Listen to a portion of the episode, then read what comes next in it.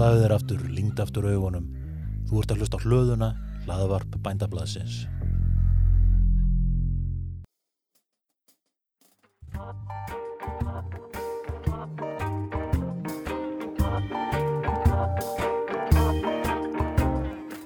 Gesturinn í dag er Knútur Ármann, garðurkibóndi og frönguðl í ferðarþjónustu á Friðheimum í Reykjóldi. Friðheima hefur hann reykjað á samt konu sinni Helinu Hermundadóttur að miklu myndaskap frá 1995. Knútur er sjálfur búfræðingu frá Hólum og Helena garðurkifræðingu frá Reykjum. Knútur var næstum því kokkur og síðar höfði hann á námi hótelskóla í Sviss áður en að uppsveitir Suðurlandsins tóguði hann og fjölskytuna til sín. En þau hjónin keiftu að 1995 hafa byggt sinn rekstur þar. Þau vita vel, Knútur og Helena, að allar kreppur fela líki sér tækifæri og nýttu á eftirtekta verðan hátt tíma núni COVID til þess að ráðast í myndarlega framkvæmdær og stækkuðu gróðrúsin sín, byggðu í rauninni ný hús til þess að auka framlýslu sína á tómutum um að minnstakosti 50%. Við ræðum gardirkjuna, markastarf hennar, nýliðun í gardirkju, ferðamennskuna þar sem friðheimar hafa vakið mikla og jákvæða aðtekli, útflutning á gremmeti til nágrannarlandana og hvernig lífið verður eftirvill í reksturnum eftir að COVID-krisinu líkur. Það er nefnilega þannig á friðheimum að græna hliðin snýr alltaf upp og framtíðin er björnt.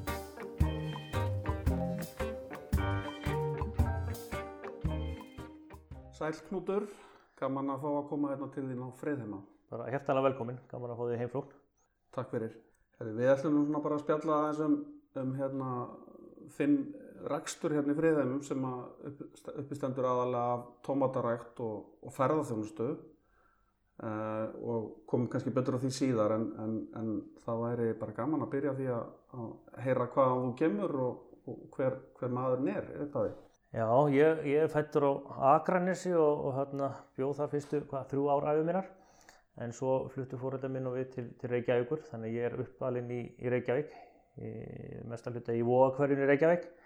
Og svo gerist það að eftir, eftir grunnskóla þá hafði ég mikinn áhuga að fara í, í kokkin ég, var, ég fór, fór í starfsnámi í, í tíundabekk að þá fór ég á Hotel Holt í Eldúsi þar því að mér langaði svo að vera kokkur. En, en hérna En þegar ég fór ákvæðan samt að fara í fjölbjörnskólinu í Breiðholti á, á matvælarsvið því að mér fannst svona ákveð öryggi þegar að fá stúdarsprófi líka. Þannig að, að, að tengja þetta þá kannski svona aðeins í þáttina og þar kynntist ég helunum við konum minni. Þegar bara ári, ári áður en ég útskrifast þá var ég alveg ákveðin að fara í hótelmannistin í, í Sviss og var búinn að sækja um í skóla þar. En, en svo svona þegar við útskruðumst að þá ákveðum að venda okkar kræði kross og ég, ég var búinn að vera svolítið í hestum sem pjakkur og langaði þá að gera svolítið meir úr því þannig ég fór norður í bændarskólan á Hólum og Helena fór í garrikjaskólan á Reykjum og, og, og við svona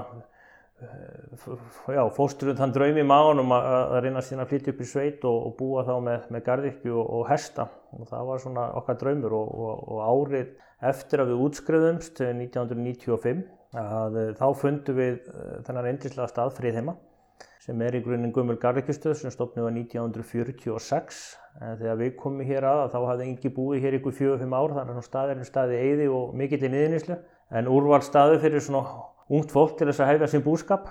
Og tengslinn svona inn í þessa sveit voru þau að Helena hafi verið hér í verknámi á Syðri Reykjum og niður í Laugarási í Garðikinni og ég hafi unnið hér inn í, inn í Laugadal, miðdal í Laugadal við, við Hesta og Ísastum þannig að við svona þekktum aðeins sveitina.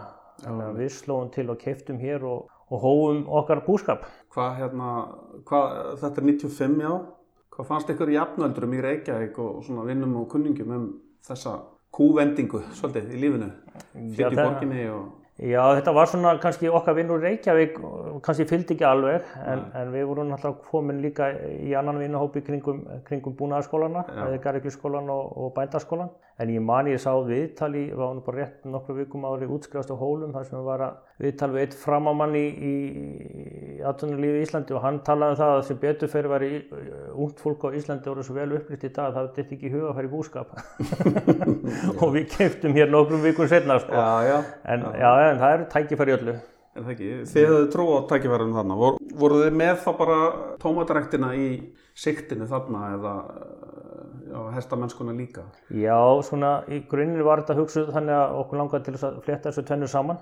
Þeir sem eitthvað þekkja hesta vita það að það er gott að hafa góða fyrirvinnu, fyrirvinnu í, í hestamennskunni. Já, já. Því að þarna, að þannig að fyrsta, fyrstu tvö árin var þetta bara að vinna hérna fyrir helinu, hún, hún, hún hófa að rækta og ég hjálpaði svona með eftir mína, mína vinnu. Ég var þá mest að temja hross fyrir sveitungana inn í kring. Já. Bæði hérna hjá vinnum okkar á torfarstöðum og, og svo komu okkur upp aðstöðu hérna heima þannig að þá gæti ég gert það hérna heima við. En svo fljótlega fórum við að byggja upp í kringum garðikjuna þannig að, að, að þá farið ég mig svolítið þar yfir og, og, og alveg þegar stöðin stækkaði og við fórum að, að gera meira á þeim vettvangi. Hvernig þróast svo reksturinn hérna friðinum segjum, til, til 2010 þegar svona ferðarbisnessin byrjar að blómstra hérna á Íslandi? Já sko fyrstu árinu okkar var svolítið bara að komast, komast á stað og við náttúrulega vorum nýjútskruður skóla, við áttum ekki krónu. Við, þarna, þannig að þetta var nú svona rosalegt barsl bara að, hefja þennan búskap, við vorum í svona hefðbundi ræktun sem því það við vorum að Uh, planta út uh, í februar og byrja að uppskera í, í apríl og, og, og svo var hendt út allir út í, í, í november og húsin síðan þrifur og byrja aftur og, og þetta eins og síðan, þetta var, þetta var óttalegt basl. En svo fórum við 2002 yfir í það að stækka eins á okkur stöðina og fara í heilsásræktun, settu ljós í húsin hjá okkur. Og það breytti svolítið, svolítið ástandinu, það er að segja að það vortu komið með fasta innkomi allt árið Á þessum tíma var líka ríkið búin að gera starfs aðlunarsamning við, við garðikjuna og það voru settir inn ákveðnir peningar sem voru eirnamettir í svona endumettun. Þannig að við duttum inn í ótrúlega frjóðan og skemmtilega hópa enda sem að fóra á hverju ári ellendis til þess að sækja sér þekkingu. Þannig að við fórum mikið til Finnlands á þeim árum með, með, með ráðunaut og, og, og bændum. Og, og þar var alveg mjög svona skapand og skemmtilegt samfélag sem, að, sem voru svona brautriðendur í þessari e, lýsingu þessi í heilsóstarsaminni.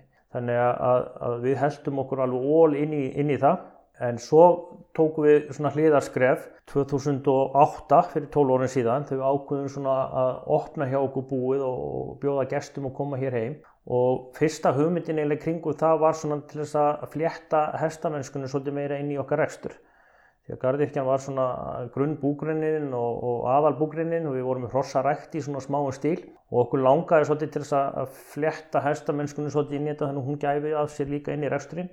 Þannig við sáum tækiföru því að setja upp svona hestasýningar og síðan svona hestúsa heimsóknir inn á, inn á, inn á landi hjá okkur. Við erum náttúrulega frábæla staðsett, við erum á gullna hringnum og mikið af, eða flesti ferðarmenn sem koma til landsins keira hér fram hjá afleikjarinn okkar. Þannig við sáum svona tækifæri að kynna þeim fyrir íslenska hestunum því að hann er náttúrulega alveg einstakur og, og, og magnaður að kynna. Þannig við settum upp svona hestasýningar og, og strax á fyrstu, fyrsta árunni 2008 og þá fengum við fyrirspurni frá ferðarskristofum sem við, við vorum komin í viðskipt við er ekki líka hægt að koma inn í gróður og svo sjá hvað er að gera þar og við svona hálf hvaðu hvað ætlið að skoða þar hvað er merkjað þar? já, þetta er bara vinnustöðurinn okkar sko. já, já. en þegar við fórum að hugsa það nánar að, að þá, þá var það líka mjög spennandi og flottu vettangur til þess að kynna fyrir, fyrir erlendu ferðamönnum. Þannig að, að við fórum að taka hópa þar inn í svona vinnurými og byggum til svona vöru sem við kallum gróðrúsa heimsók sem var svona 15 minútna kynning og, og tómatarsmakka á eftir og sáum að, að, að þetta var eitthvað eitthva, eitthva sem virkaði. Þannig að við ákvöðum að gera svolítið meir úr því og það verður eiginlega svona, það gerist þarna eftir, eftir hrunið þarna 2008 sem var náttúrulega bara rosalega erfitt fyrir fyrir garðgjuna og, og örgulega flesta bændur því að þarna hækkuðu bara öll aðfengum helming bara á einni nóttu. Allt sem við vorum að flytja inn til þess að nýta í rekturinn að hækkaðu með helming. Og þú gæst ekkert sótt ykkur hækkun að verði út á markaðin því að fólk ekkert ekkert meiri penning Nei, það var ekkert bólmagn Nei, það var sko. ekkert bólmagn þannig að 2009 og 2010 var gífurlega erfiðu tímið þarna. Og við svolítið stiltum okkur að, að hvernig við vildum fara út úr þessu. Og við ákveðum þá okkur langaði að framlega okkur út úr þessu þannig að við teiknum upp stækkun á garrikjustöðinni ákveðum að stækka hann alveg um 60% og bæta inn, inn í því vildum við hafa svona gestastofu þar sem við gætum gert meira úr þessum heimsóknum sem við vorum byrjuð á og, og opna þar jafnvel veitingastaða svona inn á milli plantana til þess að fara út í það sem við vildum kalla svona matarupplifun og vildum aldrei kalla þetta veitingastæði byrjun því við vorum alltaf meira að hugsa um matarupplifuna kynna sögun og bakvið matin þú veist að hópa smakkarsmatur er svolítið öðru sí og, og þá vorum við komin í samstarfi við algjörlan höfðingja, okkar mi- mikla vinn Jón K.B. Sigfússon sem er matrislumeistari og hann var til að koma inn í þetta aðeins með okkur að, stíga þetta skref varandi mataþáttin. Þannig að, við fórum að kynntum þetta fyrir okkar viðskiptabanka og hvort að þeir var ekki til í, til í það en, en þá kom svona babb í bátinn að þeir voru ekkit alveg tilbúin til þess og vildu, vildu þarna, voru ekki til í það. Þannig að það fór eiginlega þannig að við, við skiptum um banka, komist í sambandi við, við, við aðeina landsbankan sem voru tilbúin til þess að, að skoða þetta með okkur og ég man að ég bauð þarna lánanendinu og, og, og útibúrstjórunum í heimsótt, settum við pestasýningu fyrir þau, Já. dekkuðum síðan upp borð inn í gróðurhúsi, bara svona í vinnurými inn á milli plantnana og buðum í tómatsúpu, laði Bara- teikningarnar á borðið, svona ætlum við að gera þetta og þau bara, bara- fjallu fyrir þessu sko. Lifandi viðskipta á allum. Já, við lífandi viðskiptar já, áallun. já. Og það fór þannig að ég, ég var með fimm ára rekstrar áallun sem við lögðum fyrir þau og á, á fimm árum ætlum við að vera komin í 25.000 gesti og vorum, tókum á móti 900 gestum hérna 200, 2008 og svo hittust við með, með sama fólkjunu eftir, eftir fimm ár 2016 og þá, þá var áallun, eða þá voru rauntölunar þannig að, að, að við vorum komin í 135.000 gesti þannig að, þetta gekk ekki alveg upp. Það er frábært. En það er einmitt þetta sama hvort að selja, þú getur sagt sögu, þá stendur betur af því, ekki satt. Jú, jú, og þannig líka sko hjálpaði okkur náttúrulega svolítið, við höfðum mikla ástriði, ástriði fyrir við vorum að gera og við, við vorum sko í, í, í garðirkjunni ertu svolítið velu balinn því þú- á garðirkjunni ertu að keppa í gæðum alla daga, þú ert að keppa á opnum markaði, þú ert að keppa við innflutta vöru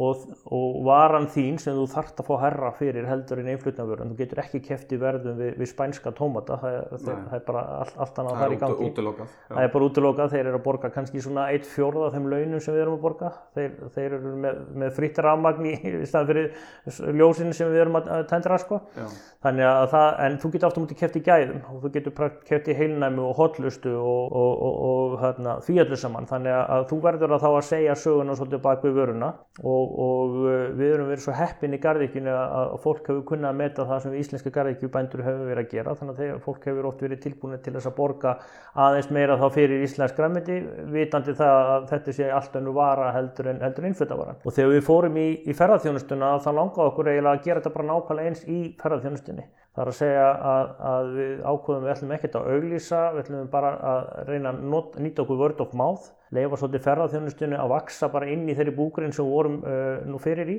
Nýttum okkur það líka og, og, og þar vorum við að leika okkur svolítið uh, með, með sömu elementin að við ætlum að segja sögun á baku vöruna. já, Þannig að þeir gestir sem voru að koma til okkar voru allir að koma í fræðslu. Hvort sem voru að koma í gróðurhúsa heimsókn, hesthúsa heimsókn og svo þegar við opnum hjá okkur veitingastæðin og þá eru allir gestir sem koma að borða hjá okkur, þeir fá stutta kynningu af því hvernig við Íslendinga förum að því að rækta tómata allt árið kring og hvað er svona sérstatt við íslenska tómata. Já. Og svo matseillin byggður á, á, á, á tómatunum sem, að, sem að eru svo bara vaksandi við hliðina á þér. Og þetta er eitthvað svona sem að við ekki heldum að myndi bara vaksa svona rólega inn í okkar búgrinn en, en svo var raunin önnur að, að, að litla hliðabúgrinin hún, hún var allt í einu orðin bara eins og 2019 var hún bara orðin þreysarsinnum stærri heldur en aðalbúgrinin og það var búið að vera bara ótrúlega spennandi og skemmtilegt verkefni að takast á það. Við erum náttúrulega búin að vera frá 2013-14 með svona fangi fullt að, að, taka móti þessari miklu aukningu á hverju einasta ári. Það var eiginlega tvöföldun á hverju ári.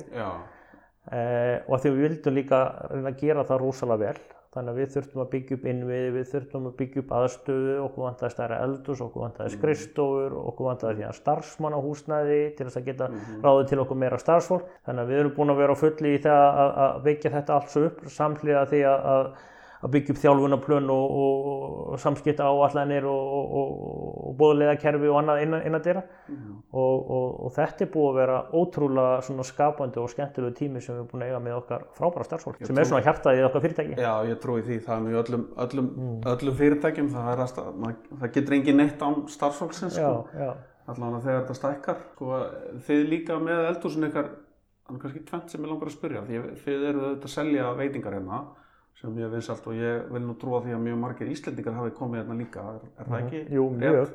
Við erum alltaf, og við, við heldum að við myndum ekkert vera svo uh, mikið inn hjá Íslendingum, en bæði náttúrulega mikil sumabústaðbyggð hérna í kring, Já. þannig að Íslendingar hafa verið mjög duglegir að, heimsækja okkur og núna áður en að COVID kom 2019 voru svona 15% okkar gestum voru Íslendingar Já, sem er nú bara svolítið gott á þessu svæði. gott, og svo núna á þessu skrítna ári í fyrra þá náttúrulega hafa Íslendingar verið gríðarlega duglegar að koma. Já, og líka annað, ég held að þeir myndi kannski bara koma og pröfa þetta einu sinni en þeir eru að koma aftur og aftur. Já, já, ég veit það, ég þekki það á einskinni og á fleirum, sko. Ég held að sé, sko, já, þetta er fræðandi. Ég held að ef við spólum bara aftur til 2008, þá vantaði, sko, ferðamönnum þegar það vantaði afþreyingu. Og hérna ertu með hagnýta afþreyingu, svo má segja, þú, hérna, þú fyllir magan en, en ert að læra eitthvað í leiðinni, sko, um, um einmitt þessa búkurinn hérna og hvernig er nú hægt að stundan á þessari breytagráði. Já, já, og fólk er náttúrulega mikið, eins og segir, mikið okkar gestum eru ellendir og þeir koma hér til landsins uh, með, með þá vitniski eða sem telja sér trúum það að það sé ekki mikið hægt að rækta. Bara nafnið á landinu okkar Já, já, gefur ekki mikið tilhenni til þess að halda hér sé mikið ræktað en, en koma svo hér og upplifa það hvernig við erum að nýta svona hjálp náttúruna, nýta náttúrulega heita vatni til þess að kynda hjá okkur og, og, og rafmagni til þess að búa til sól eða ljós fyrir plönturnar okkar og allt okkar rafmagn náttúrulega grænt rafmagn. Þannig að þeir eru náttúrulega mjög upprifnir að sjá hvernig við Íslendingar erum að nýta okkar orku, okkar auðlendi til þess að framlega hotlan og góða mat fyrir okkur sjálf. Já, því að það er ekki svo bara það að við getum gert þetta heldur við getum við gert þetta á svo hotlan og heilnæman hátt og þar þreytist mér aldrei á að tala um bara um íslenska vatni því að, því að okkur Íslendingum finnst þetta svo sjálfgefið. En ég hef farið heimsótt garðingistöðum alla Evrópu og það er, það er mjög mismunandi hvers konar vökuna vatn menn er að nota. Og græmmiti er yfirleitt 90-95% vatn, Já. agúrka er sko 96% vatn ef þú fyrir í, í, fjallgöngu þá, þá er eiginlega bara sniður að taka með þér agúrku heldur vaksbrúsin, ég held að að sé vaksbrúsin ef þú telur umbúðinu með, það er auðvitað líka 96% vatn því að þessi 4% er auðvitað brúsin sko. Já, já. en þannig getur þú borðað hann allan sko.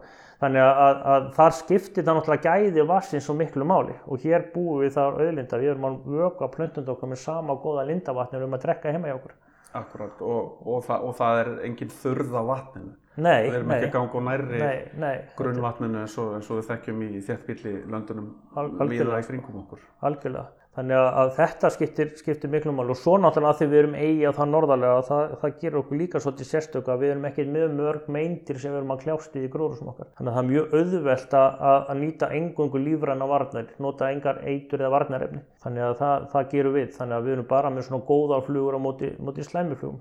Og svo þessi nálaði markaðin, þannig að, tómata sem við á mótnana, að, að ef að þú fer setnipartin að vesla í matinn þá getur þess vegna jafnvel keft og þar og haft, það í salatjóður um kvöldið. Þannig að týnt sama dag. Þannig að það skiptir líka miklu máli bæði út af ferskleikan og, og, og, svo, og svo líka náttúrulega gefur það okkur kosta að týna þá rauðari af, af plöntunni. Þannig að gestur okkar finnst þetta svolítið magna að heyra þessa sögu og líka það sem að held ég við um hitt líka svolítið vel inn í bara í ferðarþjónustu almennt er þessi, þessi hugsunni sjálfbærni alltaf verða sterkar og sterkari og þetta er bara svona frábært dæmi um sjálfbærni.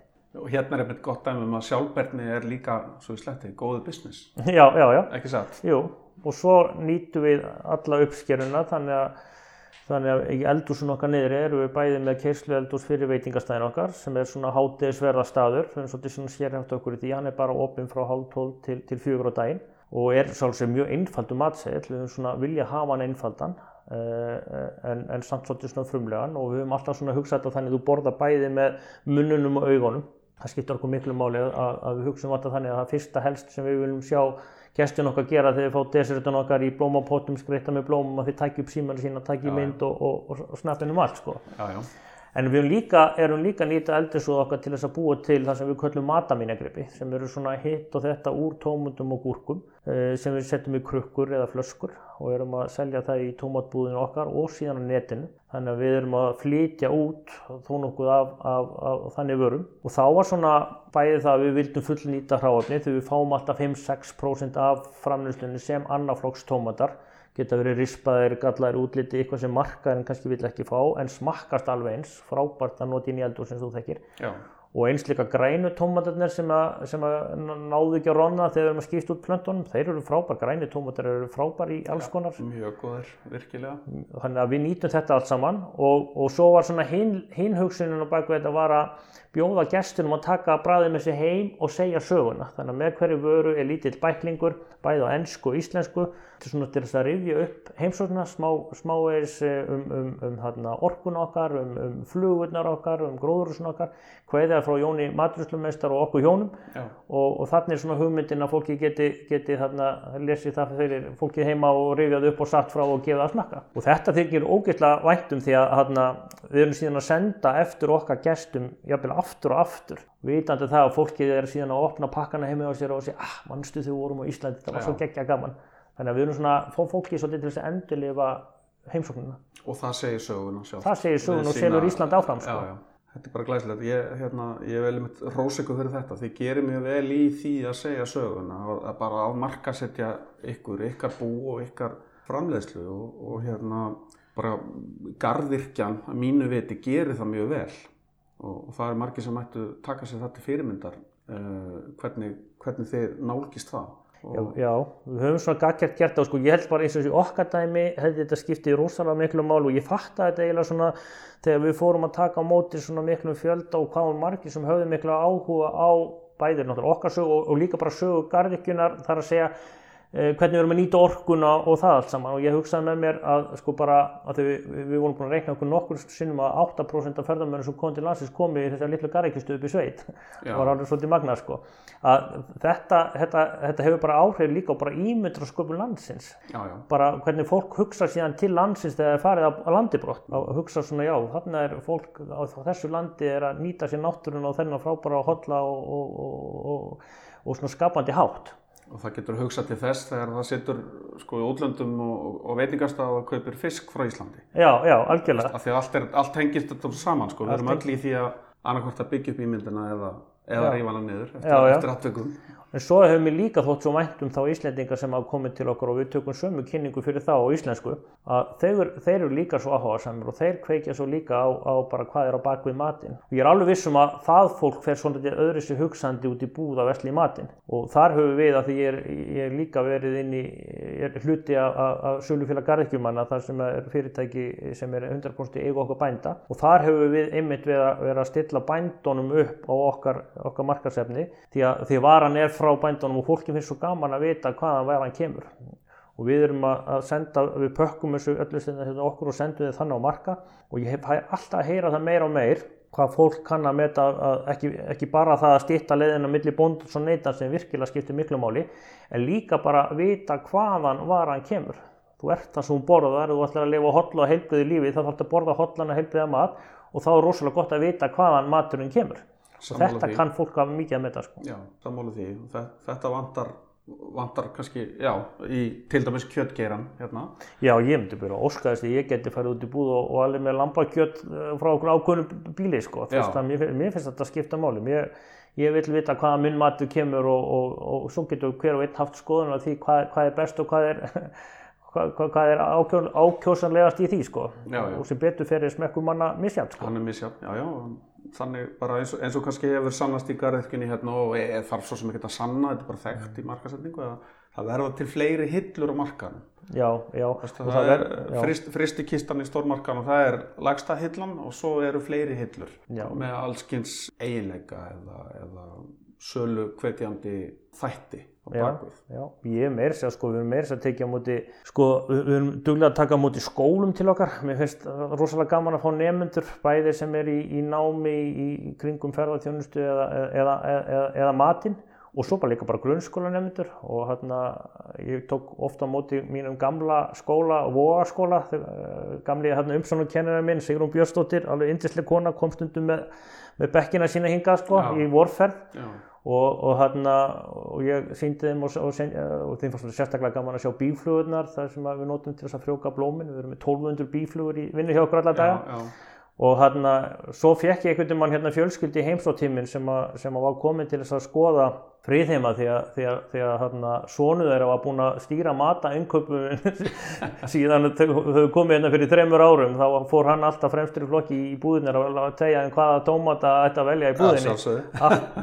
þannig að þau voru að koma að skoða, skoða þarna drauma staðinn sko. er gaman að, að svona sögum sko. Já, það er náttúrulega orðbórið það fer, fer langt Já, og, og líka krakka hvað eru fljóttir að kveikja svona, hvað, hvað, hana, á, á, á þessu líka. Sko. Einmitt, þú, þú talaði aðeins, þú nefndir aðeins hérna sölufélag garðirkjumann, ég veit að þú ert búin að sitja þar í stjórn eh, lengi. Ég tala nú bara fyrir sjálfa mig, ég segja, ég einmitt þetta markastarf sölufélagsins. Það hefur að mínu viti svona skapað ímynd fyrir greinina hjá neytendum sem við sjáum á því að, að, að þegar að segjum út í rættaða græmyndið eins og blómkál, þegar það er á markaði íslenskt, þá lítur, neytendur líti ekkert við þessu innflutt á meðan. Hvað heldur að garðekinn stæði ef það hefði ekki verið byggt, byggð upp þessi ímynd öll þessi ár sem að búið verið gangi og kannski já, hvenar var byrjað að byggja upp þessi ímynd á þennan hátt? Já, ég held að þetta skiptir gríðarlega miklu máli og svona miklu kannski meira máli heldur en fólk alveg skerir sig grein fyrir. Uh, Sölufjörður garðekinn manna fagnar 80 ára amali núna uh, í fyrra og það er 80 ár síðan að menn settist niður á Hotel Borg í janúarmáni og ákveða að stopna batteri til þess að koma sinni vöru á, fram, á framfæri eh, bæði til þess að saminast um ákveðna svona hægraðina þætti og eins líka til þess að vekja aðtikli þá vörinni í sammenningu. Og sölufélagi í dag er 100% í eigu bænda, það eru 47-8 bændur sem eiga, eiga félagi og uh, ég segi þá ofta staðin fyrir að við værum hver að keira eftir öðrum með vörun í bæin að þá eigum við bara fyrirtæki sem sækir vöruna til, til okkar og keirir inn í réttu hyttustægi í, í bæin og sér síðan um að dreifinni uh, í verslænir og, uh, og sölufélag garðikjumöndi er þá eiginlega beint frá bonda, það er þetta skilgreina þannig En það er þetta samilega markarsvættar við, við borgum ákveðina prósund á okkar innleggi í markarsjóð til þess að vekja aðtegli á okkar, okkar, okkar vöru. Og það hefur skipt alveg gríðarlega miklu mál og ekki bara fyrir okkur sem er inn á sölufölsins heldur bara garðvíkjunar í heild. Og það markastæð hefur bara stæstuleiti og nánast alveg snúist um það að segja bara sögun á baku vöruna. Því að við erum alla daga að bara segja staðrindir og hvað er svona sérstaklega við íslensk græmiti. Ykkur tíma voru við líka að presentera það eitt þriðja disknum eigaverð græmiti og, og það tókst, tókst gríðarlega vel.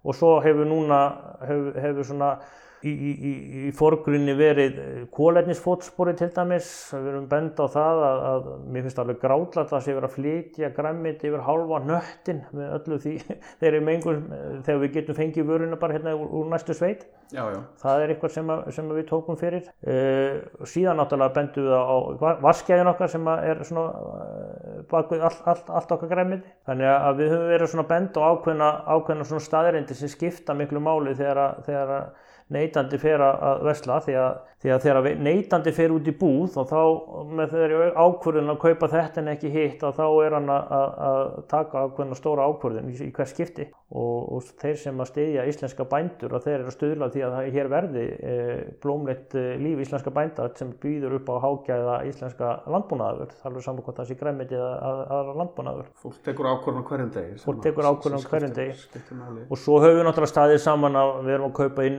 umbúðir e, saman sem að gera það verkum að við getum fengið þeir meira magni og, og það, það skiptir máli til þess að geta bóðið hagstæðara verð fyrir, fyrir neytandur og, og við erum að standa á hinn og þessu málum, málum saman. En svo er líka þetta bara ótrúlega skemmtileg hópur að vera svona hluti af stóru tengslanetti því að, því að við bændur reynum að vinna saman eða koma upp ykkur vandamál í ræktun eh, eitthvað maður betur gera þá, þá, þá er rúsa gott að eiga, eiga eitthvað góða til þess að geta leita ráða til Sameinaði standa, standiði já, já, já, við veitum hvernig hitt getur farið.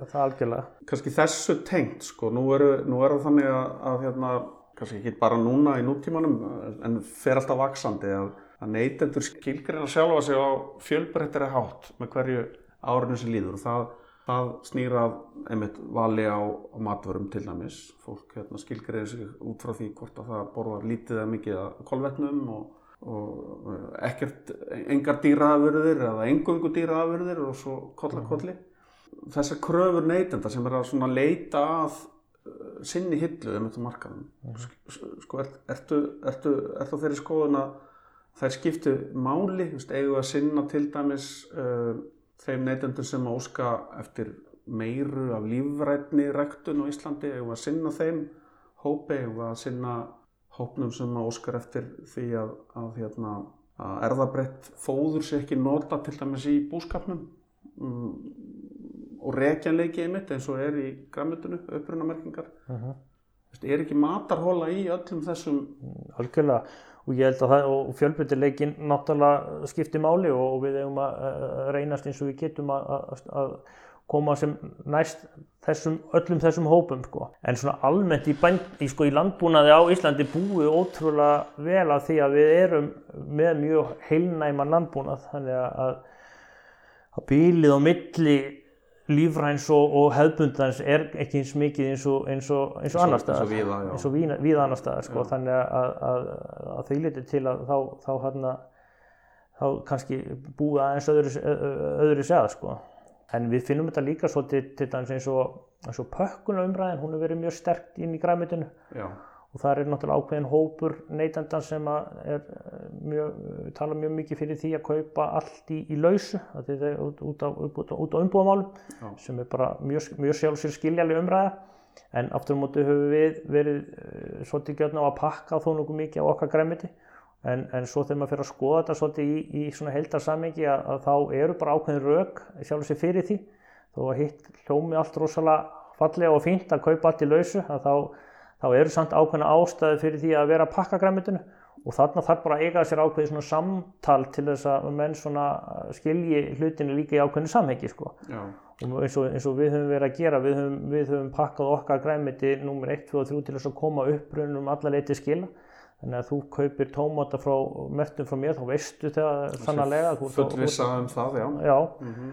uh, við erum að verja það gegn, gegn njarski, þannig að við erum svona stöðla því að að verði minni matarsón, var hann ætti að koma bet, í betri ásumkumulagi inn á diskinn til þín og þar með ætti, ætti að vera minni, minni, minni matarsón fyrir, fyrir vikið og eins líka, sko, við finnum það líka í þessu COVID-hári núna að þegar menn er að tala um snertilösa lausnir Já.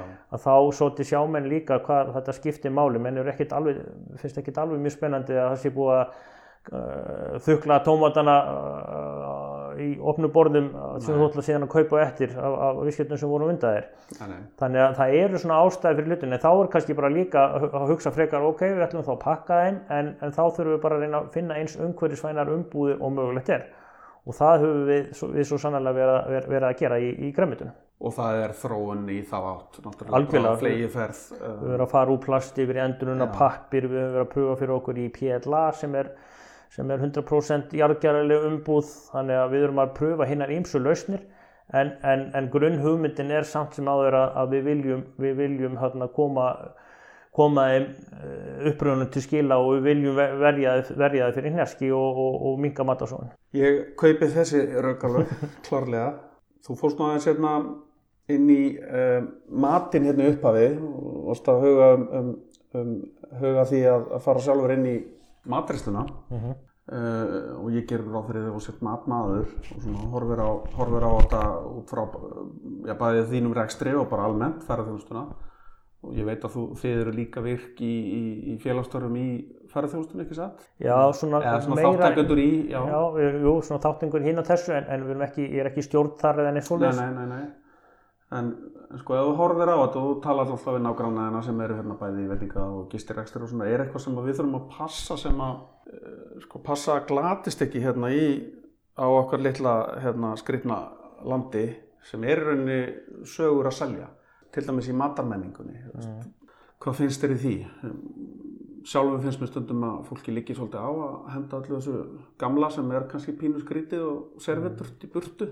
Ég er alveg við þurfum að hlú, hlúa því líka sko. En, en eins og okkar svæði hérna Suðurland sem er náttúrulega alveg gríðarlega matarkista í sjálfu sér sko og við höfum ofta rætt það inn á ferðarþjónustöfum við mættum gera svolítið meira úr því. Því að hér eru við náttúrulega með, með, með vakka gardirkjunar er hérna í uppsveitum ánusíslu á Suðurlandi Við erum með fiskin við, við sjóin, við Þólarsöfn og, og Höfn og Vestmannegar og, og svo erum við með, með, með kjötið hjá, hjá, í almennu búskap sko. Þannig að við erum með þetta allt saman hér á þessu, þessu svæði. Mikla mjölkurframlýslu. Mikla mjölkurframlýslu og, og kjöttframlýslu og svo náttúrulega frábær eins og kortgrís hérna með, með svínaframlýslu hérna rétt hjá okkur. Þannig að við erum með alveg ótrúlega flotta matakistu sem við gætum gert þó nokkuð mikið meira úr. Þá finnst mér rosalega, þessu matarupplöfun finnst mér alltaf svo spennandi hugdag og mér finnst að það er að gera það svo marga vegu.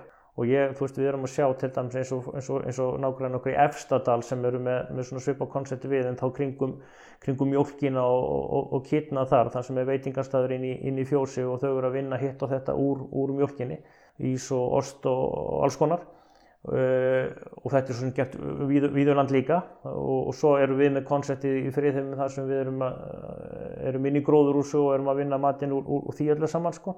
Og ég oft hugsa til þess sko eins og með, með, með söðfjörrættin að, að þú veist, af hverju erum við ekki með svona ferðamanna fjárhús þar sem þú, þú kemur inn og, og, og borðar þar og, sérð, sérð söðkindin var með okkur bara frá því að fyrstum aðeins stegi á land hérna á Íslandi. Já, já. Þannig að minnjagripaverslunum getur verið mjög flott í alls konar hönnuð og vefnaði og leikfengin úr, úr beinónum og og saga náttúrulega alveg gríðarlega mikil til þess að segja og setja upp á veggi og, og svo náttúrulega matar upplifunin þar bæði út frá því að vera með alveg præm steikur yfir það að vera þess vegna mjög svið fyrir þá sem vilja fara í, í svona alveg sér matar upplifun sko. Mm -hmm. og, og svo er það ástafjafvel og... Já, já, þannig að þarna finnst mér svolítið, ég er svolítið hissa að þetta skulle ekki vera komið því ég held að þetta er ótrúlega vinsælt því að þetta er svo, þetta er svo samofið þjóðinni Það er alveg rétt. Þarna getur við gert eitthvað meir úr og, og passa svolítið meir upp á. Þessi íslensku kyn okkar í sjálfu sér, þau eru áðið engin önnur þjóð, alveg.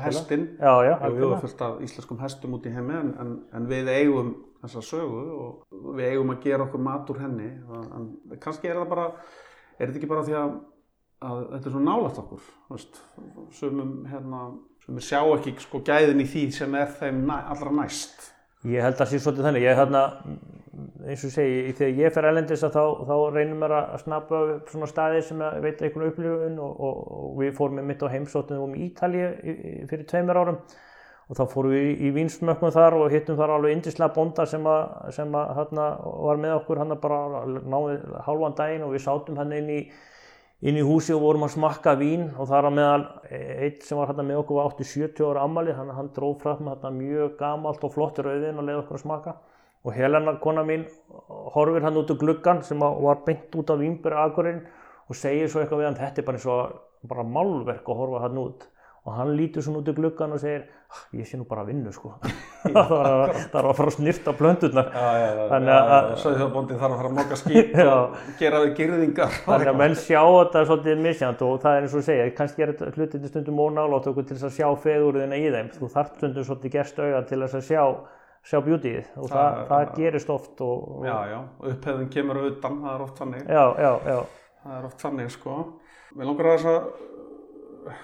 Spurja það, sko, sko nú hefur við náttúrulega hérna, ekki búin að klára þetta COVID ástand sem að hefur kollvarpað öllu og sérstaklega ferðarþjónustunni á þessu landi eins og viðar. Hafið þið spáð eitthvað eða ertu til í að spá um hvernig ferðarmannskan þróast þegar að COVID líkur? Ég ætlum ekki að byggja um að segja hvenar því líkur eða áhrifunum en, en hafið eitthvað endur hugsað hvernig þið gerir þetta og, og haldið að verði kannski eitthvað breyting á samsetningu ferðamannana þá voru ég að hugsa frá öðrum svæðum eða hlutvöldin breytist eða, eða þjónustu þarfin breytist verður fólk snerti fælnara og svo framvegis smærri hópum, mm, bara mm. tveir og tveir saman eða Ég held að sko, svo sem búin að lesa nokkra skýslu sem að, sem að fræðingar eru, eru, eru að reyna að reyna í þetta og og ég held að náttúrulega allan til að byrja með muni, muni, muni verða eitthvað breytingar á en svo sjáum við líka eins og með 9-11 að þetta var rosalega fljótt að fara í, í fyrra horf sko Já.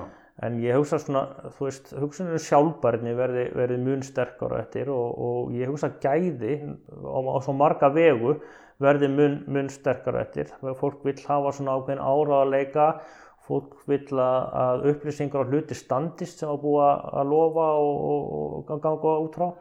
Og ég er alveg vissum það allan til að byrja með við munum fólk frekar uh, ferðast í minni hópum og jafnvel á eigin vegum en, en, en uh, svo er samt alltaf ákveðin hópur sem tristir sig kannski ekkit alveg að skipilegja sér sjálf og vill vera í ykkurum hóp en ég held að þá, eins og segja, þá verður það kannski frekar ekki ykkurum risahópum heldur, heldur um minni hópum Já.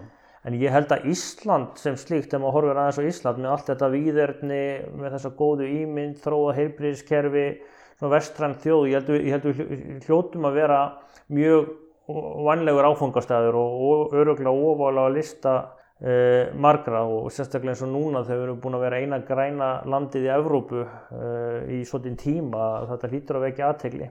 Þannig að ég held að það alveg rauk fyrir því að, að þetta þegar að, þegar að, að himnarnir opnast að þá bara geti það gert svolítið hratt. Ég, ég hef alveg, alveg tiltrú fyrir því.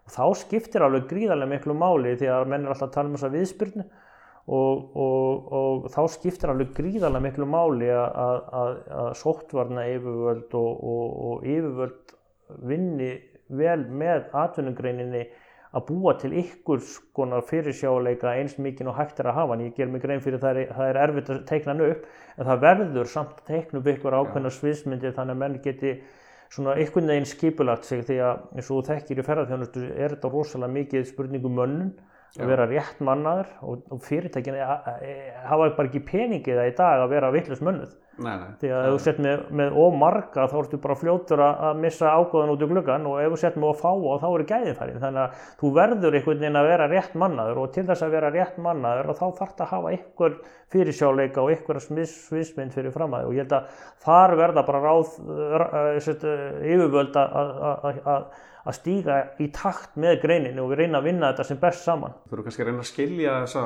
grein, sko, hvernig hún virkar. Að Já, það já. eru svo mörg tannhjól í færaþjónustu og, og veitingarekstri. Þetta er, er tiltölulega, já, þetta er svona mar margir þættir sem þurfa að smella saman samtímis. Algjörlega, algjörlega. gangi og, og þess má síðan geta framlegð í ferðarþjónustu og veitingarekstri er alltaf jafn að frekar lág. Þannig að það er ekki rými fyrir mikið af, af hérna, já, mikið af mistökum. þar. Nei, og ef að verða mistök og þá er upplöfin farin strax sko. þú, og þú vilt aldrei standa í því sem, sem ferðarþjónustæðir, þú ert alltaf að reyna að búa til jákvæða upplöfun og, og helst frábæra upplöfun og ef að verða mistök í móttökunni eða, eða skipulagningunni að þá er svo hætt við að, að, að þú sett búin að skemma þá upplöfun þannig að, að við erum alltaf að tala um orðspor landsins í heild og, og, og, það- það getur líka alveg verið viðkvæmt sko. þannig að við þurfum að, við þurfum að virkilega passa okkur að, að feta þennan stíg saman sko.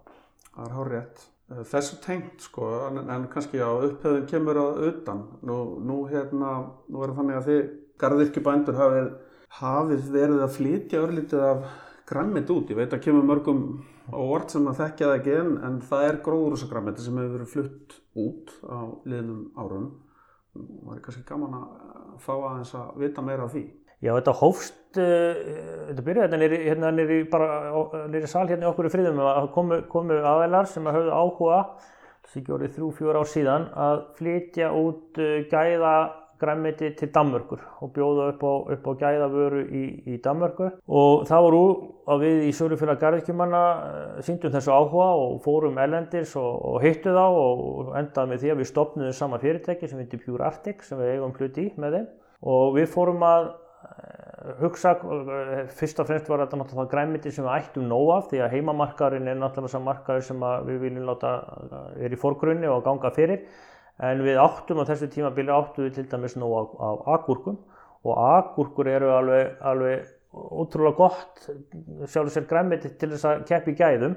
Því að eins og ég sagði á hún er 96% vatn og ef hún sé, ef hún sé hérna ræktuð í góðu vatni að, að þá finnur þú munin ef, ef vökvar agúrkur með, með klórblönduðu vatni eins og við að geta efrið þú finnur kló, klórblæða græmitinu og við fórum bara út og heimsóttum nokkra kaupmenn með íslenskar agúrkur í boka og, og bara gáðum að smakka og, og hérna bara menn hrifust af.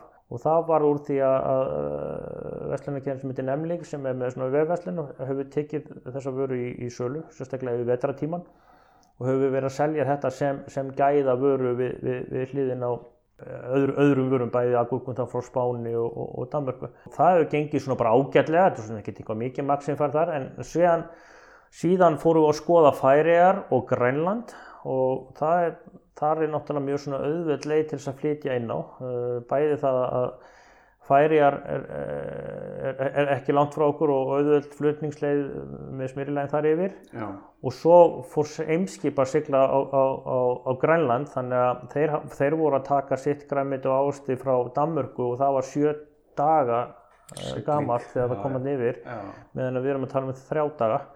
Þannig að þeir voru allt í nú frá að fá allt önnu gæði og í sína vöru og við erum búin að vera að pröfa að senda svona tilraunarsendingar af uh, öðru heldur en bara gúrkum og, þetta uh, mælist rosalega vel fyrir og mikill áhugi fyrir þessu. Þannig að, allt sem við eigum til vilja er taka en, en, en fyrst er að anna heimamarkaðunum og svo getum við, við, við sendt út. Þannig að, þetta við þróast yfir það. Við erum líka fannir að flytja ávexti við erum að selja banana til, til Grænland Já, sko í gegnum þennan kannan og, og það er bara frábært því að mér langar að, að við horfum svolítið að færi á Grænland sem, sem okkar heimamarkað ef við getum komið í það, það, það, það horf Já, það er bara eðlilegt, aukið samstarf á Já. milli þessar landa sem eru hérna. og þetta gefur okkur bændum skona ákveðin kost í það að meina að, að, að meina, það er 50.000 manns í Grænlandi og önnur 50.000 í færi og þetta eru 100.000 manna markaður og að þetta gefur okkur kost þegar að stækka upp í það og getum þá náða ákveðni hagræðingu, í starðar hagræðingu sem að nýtist á heimamarkaðanum í leðinni.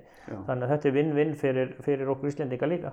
Er ekki rétt munna sem að það er vikuleg, vikuleg sigling umskipa á, Jú, á Grænland? jú, jú. Já, þannig að það er alveg regluleg, Já, regluleg. já, það er reglulega sendinga þangað. Já, En það er eins og segið, þetta er búin að vera í, í svona uh, tilhörnufasa og, og við vorum í svona smá basli með þetta núna uh, 2020 þegar við lendum í svona skúr, gúrkuskorti hérna heima. Það var að koma upp uh, vandamál í, í, hjá stórum framleiðenda sem var til þess að við áttum tæplega á ófyrir heimamarkaðinn. Eh, Þannig við gátum svona ekki sint þessi eins vel eins og hefði, hefði verið gaman en, en núna eh, voru byggð, byggð, byggð, bæði meira, eh, með fleiri fermetri í tómutum og gúrkum þannig að nú, e, nú eigum við eiga nógu vörunni þannig að nú er hægt að, að, að láta svolítið meira reyna á þetta. minnst á það. Þú, þú hérna máttu ekki að segja, einmitt, þið, þið stækkuðu, þið nýttu COVID-tíma til þess að umpóla aðeins hérna, ykkar rekstur og, og fóruð í heljarnar framkvæmdir og, og reyndar fleiri bændur hér í Reykholt, ekki satt? Já, Reykholt er búið að, þetta er búið að vera ótrúlega stórt og flott árið þessu litla þorpi. Hérna er um tæplega 300 íbúar sem að búa hér og hér voru byggðir samtals um 9000 fermetrar á gróðurhúsum og, og, og, svo er verið að klára hér byggingu á 40 herbyggja hóteli sem við opnaði í sumar þannig að þetta var mikið framkvæmda ári í, í okkar þorpi.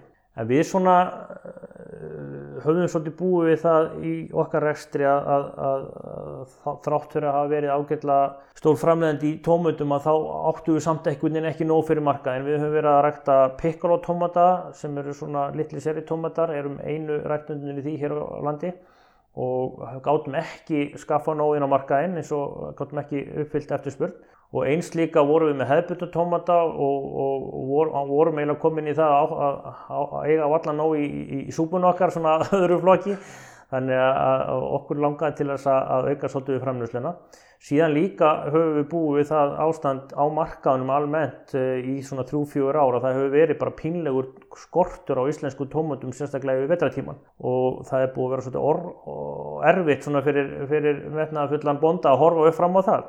Og líka bara svona út frá, út frá minni stöðina sölufélagsins að þá var þetta mjög erfitt að geta ekki komið á móts við neytendur sem voru að óska eftir íslenskum tómatum sko. Þannig að þegar að COVID fór að teikna sig upp fyrir akkurat ári síðan í marsi fyrra að þá sáu okkur svona leikiborði að, að, að reyna að snúa þessu ári sem að virtist alltaf að verða svolítið erfitt í ferðarþjónustu upp í tækifæri og, og nýta það til framkvæmda. Þannig að við funduðum með okkar líkil starfsfólki. Eh, Við höfum byggt okkur upp svolítið flottan starfsmannahóp, millistjórnenda sem var búin að fara í gegnum eh, margt með okkur og, og við vildum reyna að halda inn í okkar röðum og þau voru öll tilbúið til þess að færa sér til á millistarfa. Þannig að við svona blésum við lúra og, og okkar viðskiptabanki var tilbúin til þess að stíga þetta skref með okkur.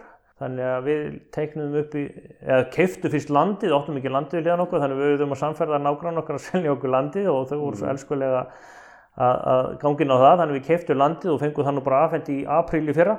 Þannig að fyrsta skóplustunga var tekin hér 20. mæ og, og við byggðum 5600 fermetra hús, bæði gróðurhús, uppeldishús og, og pökkun inn í því og týndum fyrstu tómatur úr því 20. janúar, þannig að 8 mánuðum setna, það, náði ekki einu sinni meðgöngutíma. Hvernig, þannig að þetta var bara mikið ævintýri og, og, og þarna bara frábært að geta nýtt þennan erfiða að snúna og skrýtna tíma í, í svona jákvæmt verkefni því ég, ég var orðin gráhærður alveg og búin að slíta mér allt ára annars sko held ég. Já, þú væri bara búin að býða hérna Já, verklaus. En nei, öllum, öllum krísum fyl, fylgja tækifæri, það er bara Já, já. að sjá, sjá þau og, og, og, og skilgarina.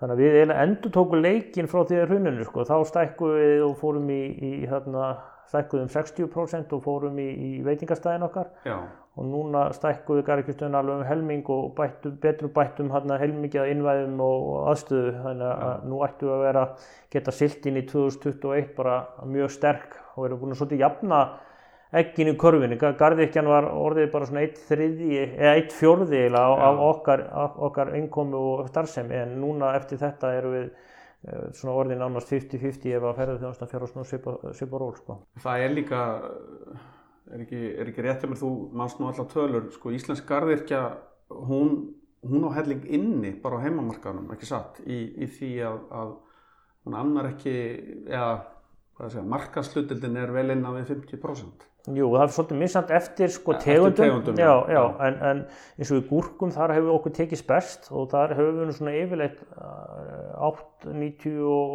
og 7-8% af markaðunum íslenski framleiðendur og, og núna ættu við með þessu stækkunum á ekkert að þurfa að flytja einn gúrkur þannig að það ætti að vera. Í tómatunum þegar best var áttu við svona 70 eða vorum við svona 70% markaðslutdeild en vorum komið núna niður í svona 40 og 40-45% en ættum að fara svolítið upp við þessa stækkun.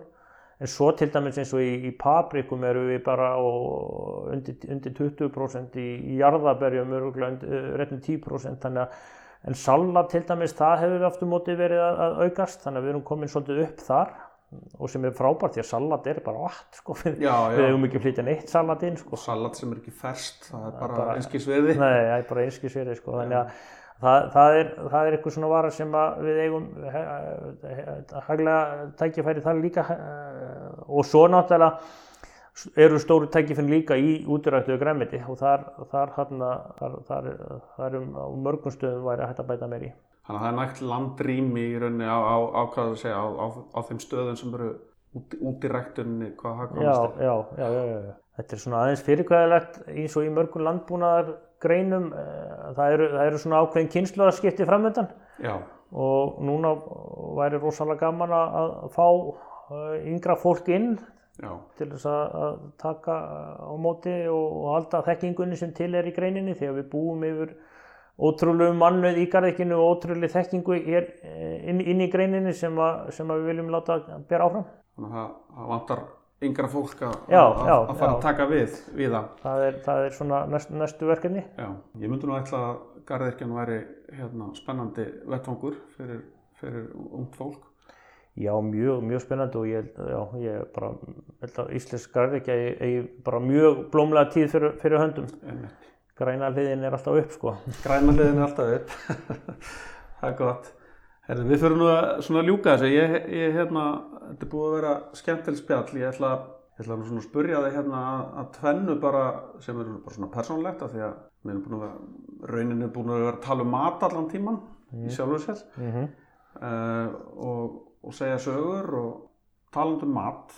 Hvað, hvað eldar þú heima? Hvað er uppáhalds ráefnin þín heima? Þú, þið hjónið, þú og Helena, þið eru með stóra fjölskyldu, fimm, fimm börn og, og hérna, þannig að ég gerir ráð fyrir því að það þurfi stundum að taka til hendinni í eldhúsinu. Er, er, er þú liðtækur þar og hvað er þá að borðum? Ég get alveg verið það sko og hef, hef gaman að því sko. En við erum í rosalega svona fjölbreyttan, fjölbreyttan mat, öllu jafna og, og ég er alltaf með þá, þá hugsun í kollinum að, sko ráöfni skiptir öllu máli, að, Já. að, það, það, það sé gott og, og, og þar náttúrulega búum við vel á Íslandi að eiga, eiga frábæra landbúnaðafurðir hvort sem, sem það sé kjöt eða, eða græmiti og við tala ekki svo um fiskin okkar líka.